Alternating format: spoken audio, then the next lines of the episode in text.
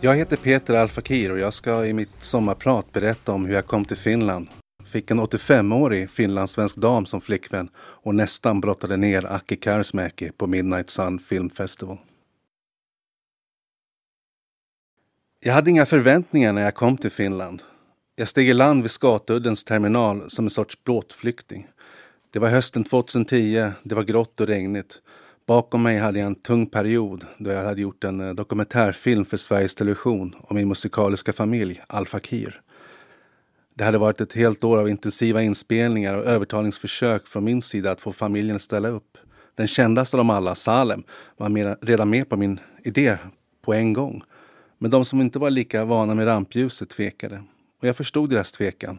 Hela projektet att göra en dokumentärfilm om en invandrarfamilj som satsade hårt på att bli duktiga musiker luktade lite fadd svensk politisk korrekthet.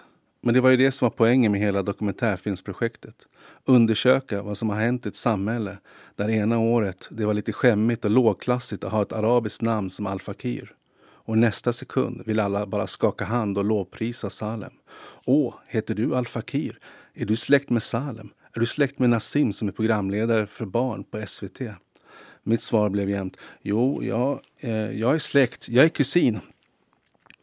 I sista scenen av filmen Kusin Al-Fakir vandrar omkring med en liten mustasch i ett vinterlandskap som ska föreställa Finland. Kontentan blev att jag, trots hela desperationen och dramatiken i filmen, där med mitt hårdrocksband Nights and Night hade varit förband åt Salem och stått inför en riktig publik för första gången på 15 år, ändå stod på ruta ett. Inget jobb, inga pengar och min oviss framtid.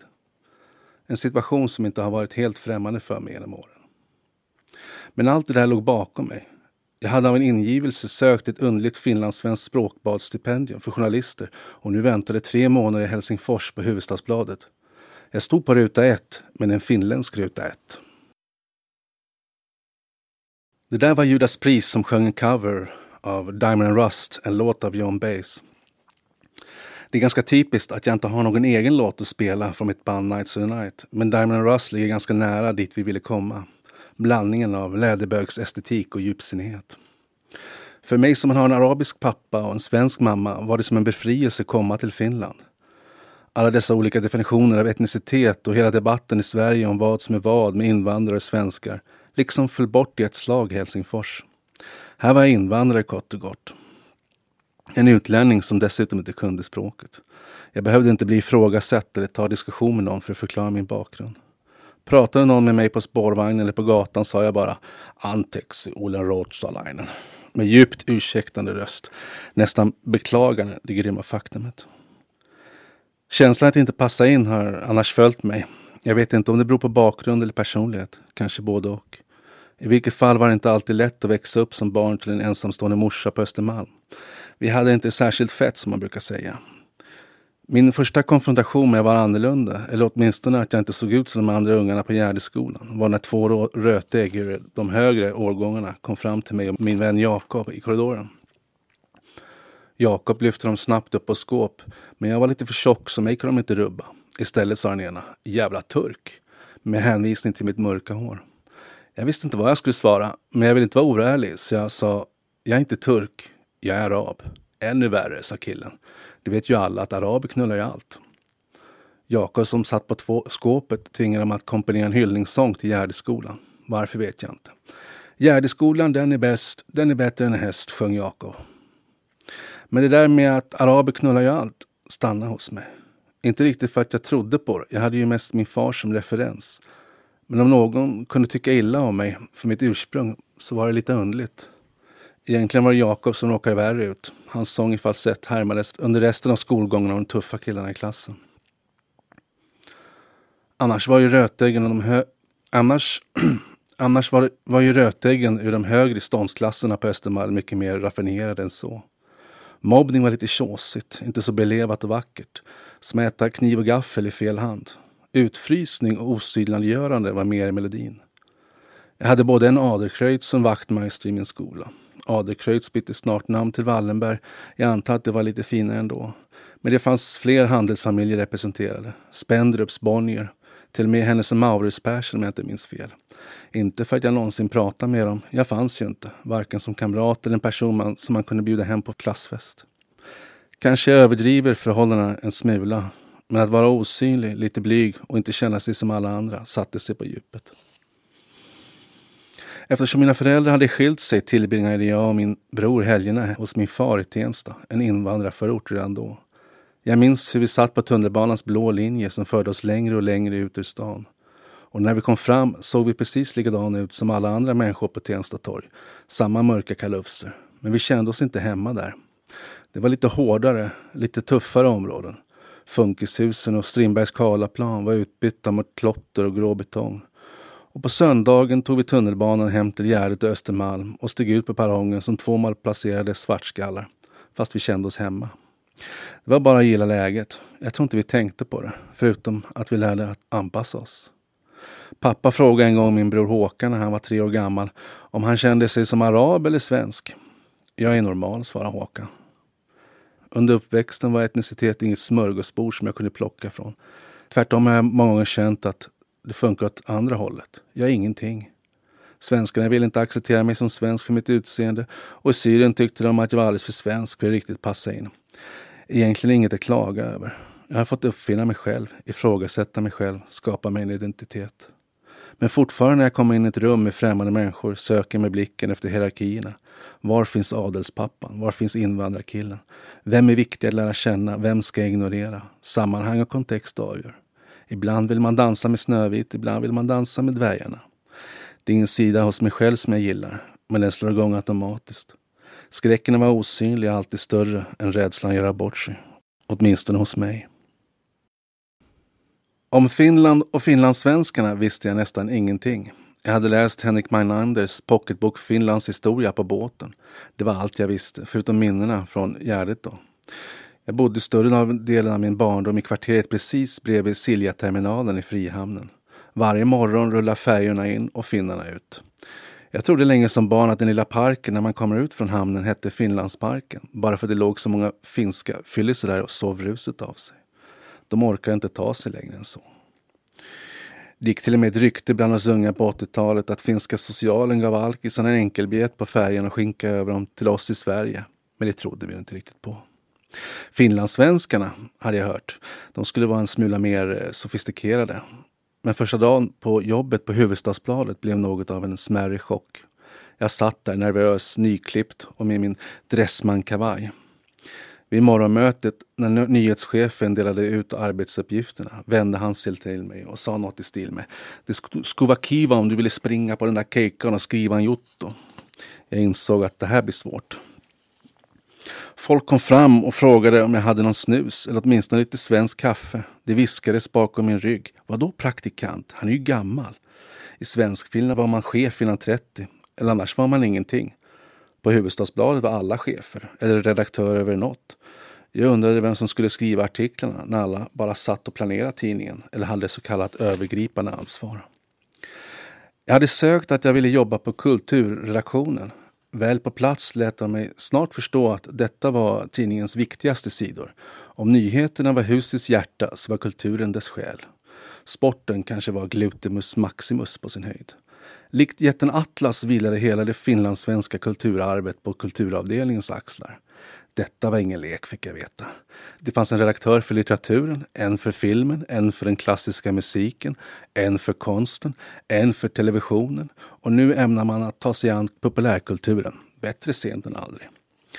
Redaktörerna satt alla i varsin kub längs en lång korridor som ruvande höns och ibland pluppade det ut ett litet ägg fullt av bildning och inkännande åsikter om konsten med stort K. Om jag någonsin lyckades skriva en artikel av fullgod kvalitet skulle de kanske, men bara kanske, vara hyggliga och låta den gå i tryck. Men ganska snart hittade de användning för mig. Som svensk stod jag utanför den så kallade ankdammen och kunde därför tänka skriva vad jag egentligen tyckte. Så fort någon redaktör kom lite försynt och knackade på min dörr så visste jag att det var en film eller bok som kanske inte riktigt nådde verkshöjd. Men vars upphovsman recensenten badade bastu med, spelade tennis med eller hade barn i samma förskola som. Jag fick göra Huvudstadsbladets smutsgöra, en kulturtorped eller en sorts intellektuell benknäckare. Det var okej okay med mig. Allt var ju bättre än att jobba på korvfabrik eller diska på restaurang eller flytta folks möbler som jag hade gjort tidigare i mitt liv. Allt var bättre än bara att driva omkring. Den första tiden i Finland hade varit ensam. Även om kollegorna på tidningen var vänliga var det en arbetsplats fullt av kotterier och klickar som jag inte riktigt förstod mig på. Framförallt låg jag vaken om kvällen och undrade vad jag gjorde i Helsingfors egentligen. Men det här var innan jag träffade kvinnan i mitt liv. En 83-årig finlandssvensk dam med namnet Brita Kekkonen.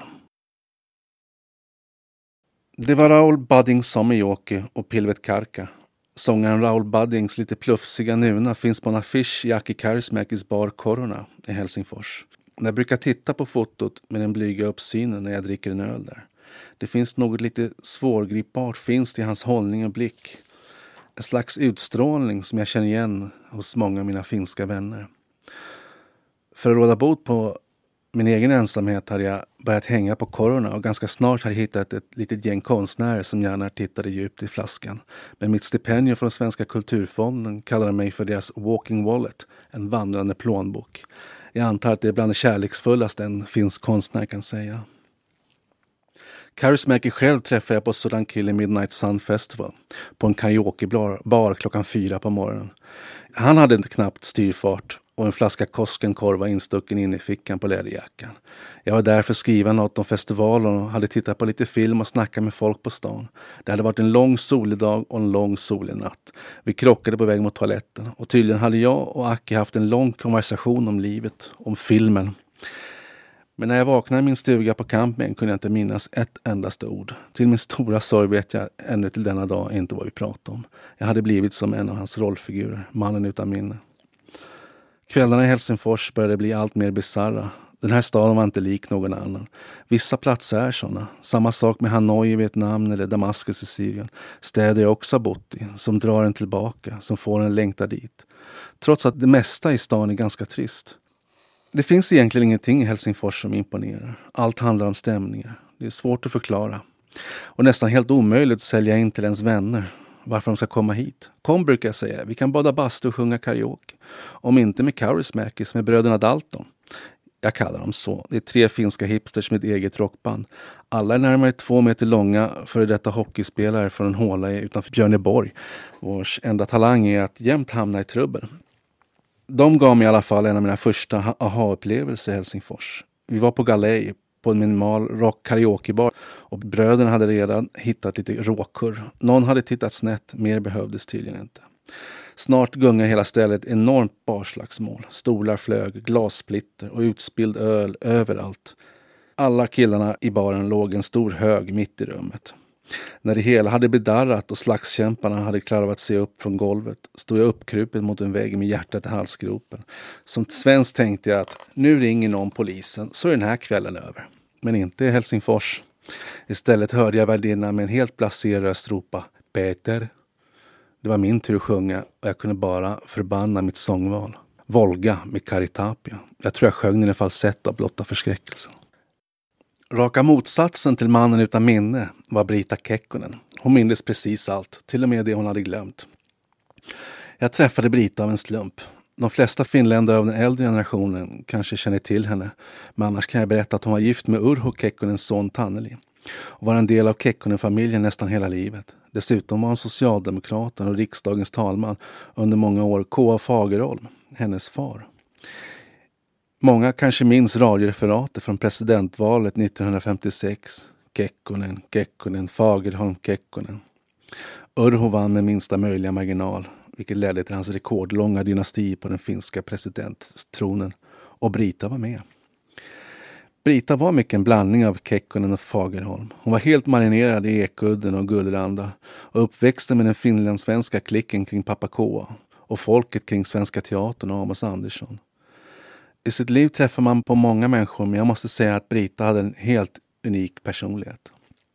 Glad, nyfiken, öppen och med en enorm portion humor. Hon hade också en mycket speciell egenskap som alla inte uppskattade.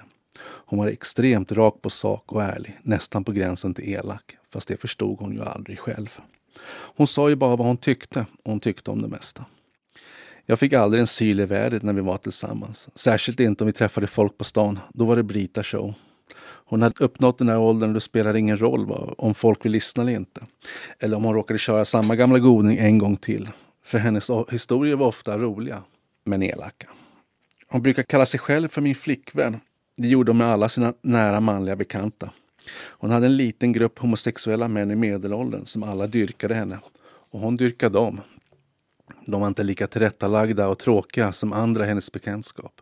De kunde alltid tipsa henne om senaste modet, bästa restaurangen eller fräckaste konstupplevelsen. Allt det som hon var rysligt intresserad av. Hon berättade med skräckblandad förtjusning hur en av hennes pojkar brukade skicka nakenbilder på sig själv från den grekiska övärlden. Pojkarna kallade henne för prinsessan, en titel som hon kokett inte heller motsade sig eftersom det var en ironisk referens till att hon en gång varit gift med presidentens son och varit talmannens dotter och hade kallats för republikens prinsessa i en tidning. Brita brukade älska att berätta hur vi träffades, åtminstone till en början när jag fortfarande var hennes nya lovande sprökskrivare. Det var så romantiskt, sa hon. I alla fall träffades vi på restaurang Karl Johan i Helsingfors. Jag satt ensam och åt min lunch när det plötsligt damp ner en dam med den tomma stolen framför mig. Jag blev helt perplex eftersom jag hade vant mig att jag liksom betraktades lite grann som en suspekt utlänning i Finland. Och jag undrade varför en gammal dam ville sitta bredvid mig, en stor skäggig arab. Först pratade hon finska, sen bytte vi till engelska och när jag berättade att jag arbetar på Huvudstadsbladet så bytte vi till svenska. När min lunchrast nästan var slut och jag var tvungen att gå tillbaka till redaktionen bad hon mig att hälsa till Staffan Brun som hade intervjuat henne. Vem ska jag hälsa ifrån? frågade jag. Hälsa från Brita Kekkonen, sa hon. Han vet vem jag är. Det sista sa hon som en självklarhet, som jag borde skämmas för att jag inte kände till henne. Men för mig var det långt ifrån någon självklarhet vem hon var. Jag gick ut och undrade, vem fan är Brita Kekkonen? När jag kom tillbaka till redaktionen råkade jag fråga fel kollega, för jag hade glömt hur eh, Staffan Brun såg ut. Det här var i början. Och då sa personen i fråga, va? Lever den gamla kärringen? Åh, tänkte jag. Här har vi något. Vad är det för gammal finlandssvensk dam som väcker en sån reaktion hos en garvad kriminalreporter som sett och hört allt? Jag bestämde mig för att genast ringa henne och be om en intervju.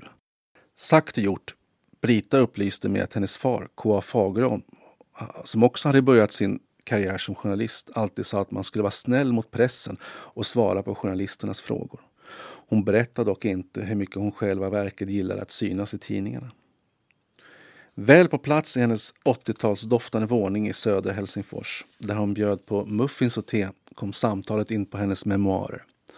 Fyra författare hade försökt att skriva dem, den ena värre än den andra. En sparkade hon efter att han hade skrivit att Brita gillade cocktailpartys efter sin tid i Paris på 40-talet. Det var horribelt fel. Hon var ju uppfostrad som en sann socialdemokrat. En annan författare, en kvinna, hade hon brottats med och blivit klöst av.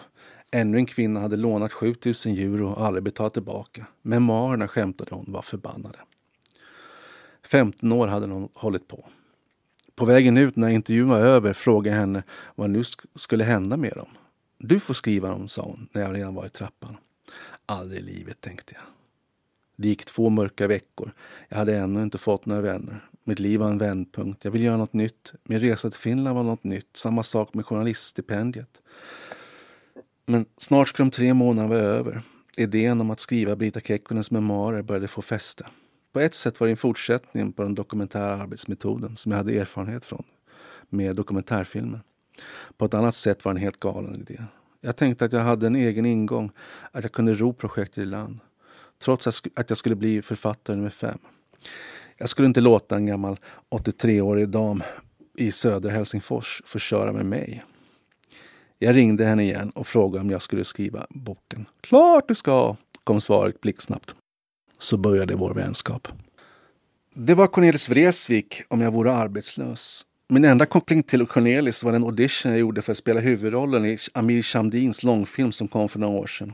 När castingagenten Johan Jonasson ringde och sa att jag skulle vara perfekt som Cornelis med min invandrarbakgrund. Struliga liv och min tjocka mage trodde jag honom inte. Men de flög in mig från min resa genom Sydostasien till ett vinterkallt Sverige. Från en flumtillvaro i Hanoi till Stockholm. Jag är ingen skådespelare och det upptäckte de ganska snart. Men jag fick sjunga just den här låten och spela gitarr innan de flög mig tillbaka till Vietnam. Rollen gick till porträttlika Hans-Erik Dyvik Husby, Hank från helvete. Sångaren i norska bandet Turbonegro.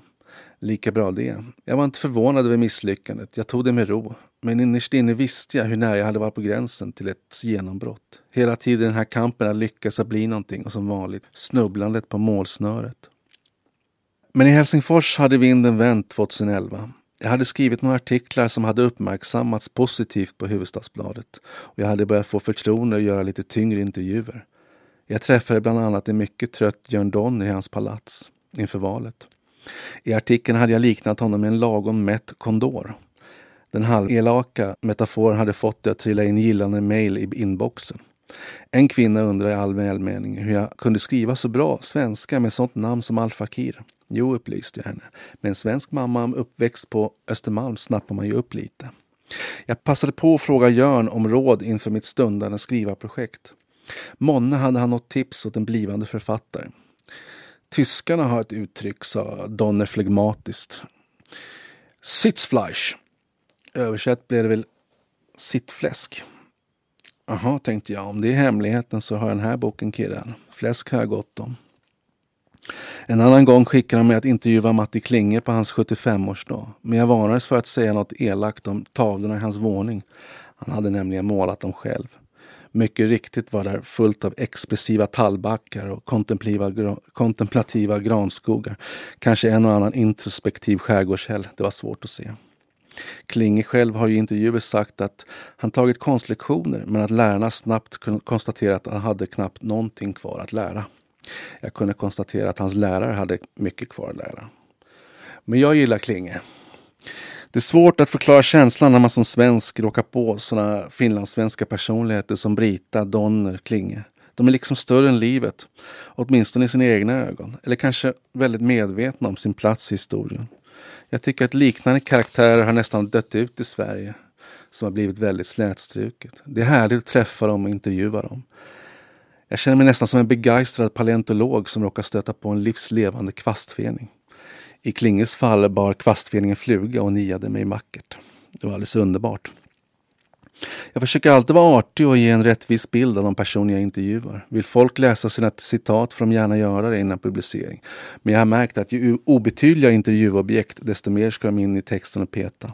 Donner eller Klinge frågar aldrig om korrektur. Mina pluttiga artiklar kommer inte ändras någons omfattning om dem, på det stora hela. Allra minst deras egen. Det vet de om. Det är en maktdemonstration. Ja, det blåste som sagt nya vindar i mitt liv, rakt in från Finska viken. Jag hade skrivit under ett bokkontrakt, jag hade flyttat till en liten bohemisk lägenhet i Berghäll och jag sprang med Brita på Stockman och handlade franska ostar, italienska viner och finska syskonkorvar. Vi hade långa intervju och ätarsessioner. Har du ätit bohemisk linsgryta? Det är underbart på hösten, frågade Brita. Har du prövat min choklad? Mousse med fransk Valeronchoklad? Åh, ljuvligt! Har du gått på biograf Maxims direktsändningar med Puccino från Metropolitanoperan i New York? Åh, helt outstanding! Nästan varje lördag var vi på uppköp på Stockman. Hon kunde hela varuhuskomplexet på sina fem fingrar. Och det var svårt att hänga med när hon sprang mellan kulvertarna och rusade fram mellan butikshyllorna. Vi brukade börja med att dricka en kopp te på Café Alto i Akademen, Sen ett glas vin nere i Nondele. Eh, sen lite uppköp beroende på vad Brita tänkte laga för mat. Nästan alltid en fransk ost. Sedan espresso i kaffebaren. I över 80 år har hon gått dit. Först tillsammans med sin mor, nu med mig.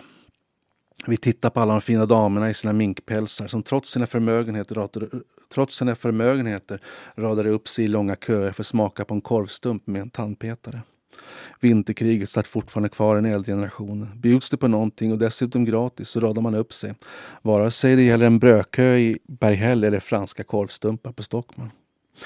Godbitarna på matbordet varvades med godbitar ur hennes liv, åtminstone till en början. Hennes man Tanneli hade utbildat sig till diplomat och Brita följde med runt i världen. Det var möte med Chrusjtjov på slottet i Helsingfors. Det var besök på Svenska Teatern. Det var ändlösa utflykter med snåljåpen Anita Hallama. Det var Urho på Ekudden, Urho i bastun. Det var Urho den fantastiska överallt. Roligast var de mer skabrösa historierna om kåta centerpartister, namngivna förstås, som jagade Brita genom hotellkorridorer på någon konferens eller utlandsbesök. Men alltid efter en sånt guldkorn kom, kom hon på sig själv och tillade. Men det vill jag inte ha med i min bok. Inget så lågt som skvaller. Det är för andra diplomatfruar att hålla på med. En annan rolig historia var när hon hade varit bordsdam till Jugoslaviens diktator Tito vid en officiell middag och märkt att han hade målat naglarna med genomskinligt lack. Naturligtvis hade hon frågat honom, Jugoslaviens diktator, om han målade naglarna. Jag vet ingen annan som hade vågat eller ens kommit på idén att fråga Tito om hans lackerade naglar. Men för Brita var det en självklarhet. Jo, hade Tito svarat. Han målade naglarna. Det var lättare att hålla dem rena så. Jag spelade in intervjuerna, loggade alla uppgifterna och gjorde mig redo att börja skrivprocessen.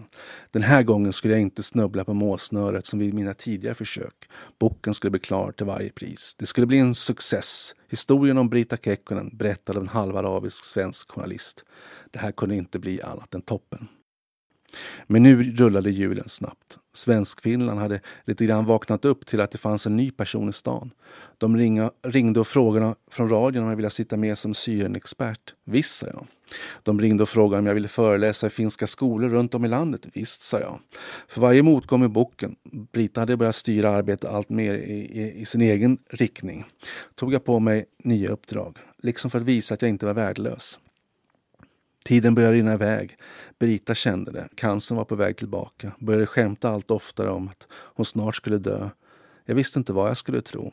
Hon var som en evighetsmaskin i allt hon gjorde. Hon kunde fortfarande prata utan uppehåll i fyra timmar i sträck, äta jättemiddagar, dricka vin, efterrätter, springa på stan tills alla andra kroknade. Jag orkade inte hänga med i hennes tempo. Så jag tog inte hennes prat om sjukdomar på allvar. Eller kanske jag ville inte ta dem på allvar. Tanken var för hemsk. Jag frågade förlaget om råd. De hade inte hört av sig på ett år sedan kontraktet skrev. De sa att de var uppe i sin stora fusion. Två förlag skulle bli ett och ännu tvistades om om det skulle bli en varm eller kall fusion. I vilket fall skulle det ge långtgående konsekvenser lät de mig förstå. För de bar ju hela finlandssvenska kulturen på sina axlar. Jag fick rådet att skriva den bok Brita ville göra, bara den blev klar innan tanten trillade av pinn. Ja, visst, jag. Och så reste jag ut på en ny föreläsningsturné. Joensuu, Kuopio, Vilmanstrand, Kirjovesi, Myramé, Jyväskylä. Jag var överallt. Förutom i Helsingfors och skrev boken. Någonstans där, efter flera utkast som alla ratades av Brita, tog det slut. Vinden hade mojnat. Brita sparkade mig, som nummer fem av författarna. Och jag sa ingenting om det. Hon hade helt enkelt inte gillat det lilla jag hade skrivit. Hon hade ingen mer tålamod och sjukdomen började göra sig påminn. Det gick ett halvår. Telefonen tystnade. Det hade kommit andra nya namn till stan. Jag som trodde att jag hade halkat in på ett bananskal i Svenskfinland hade plötsligt halkat ur. Eller stött på den där osynliga väggen. Eller kanske var det bara bassängkanten till ankdammen. För när allt kommer omkring så var jag inte finlandssvensk. Inte heller finsk. Inte ens svensk eller arab. Jag var tillbaka till ruta ett och tillbringade allt mer tid i Sverige med att försöka sparka igång vad som fanns kvar av kontakter inom tv-branschen, väcka det gamla rockbandet till liv, tillbaka till desperationen. Så ringde telefonen. Det var Huvudstadsbladet. Brita var död. Ville jag skriva en nekrolog. Jag kunde inte svara. Tårarna bara rann, så hon var borta till slut. Kvar fanns bara en enorm saknad.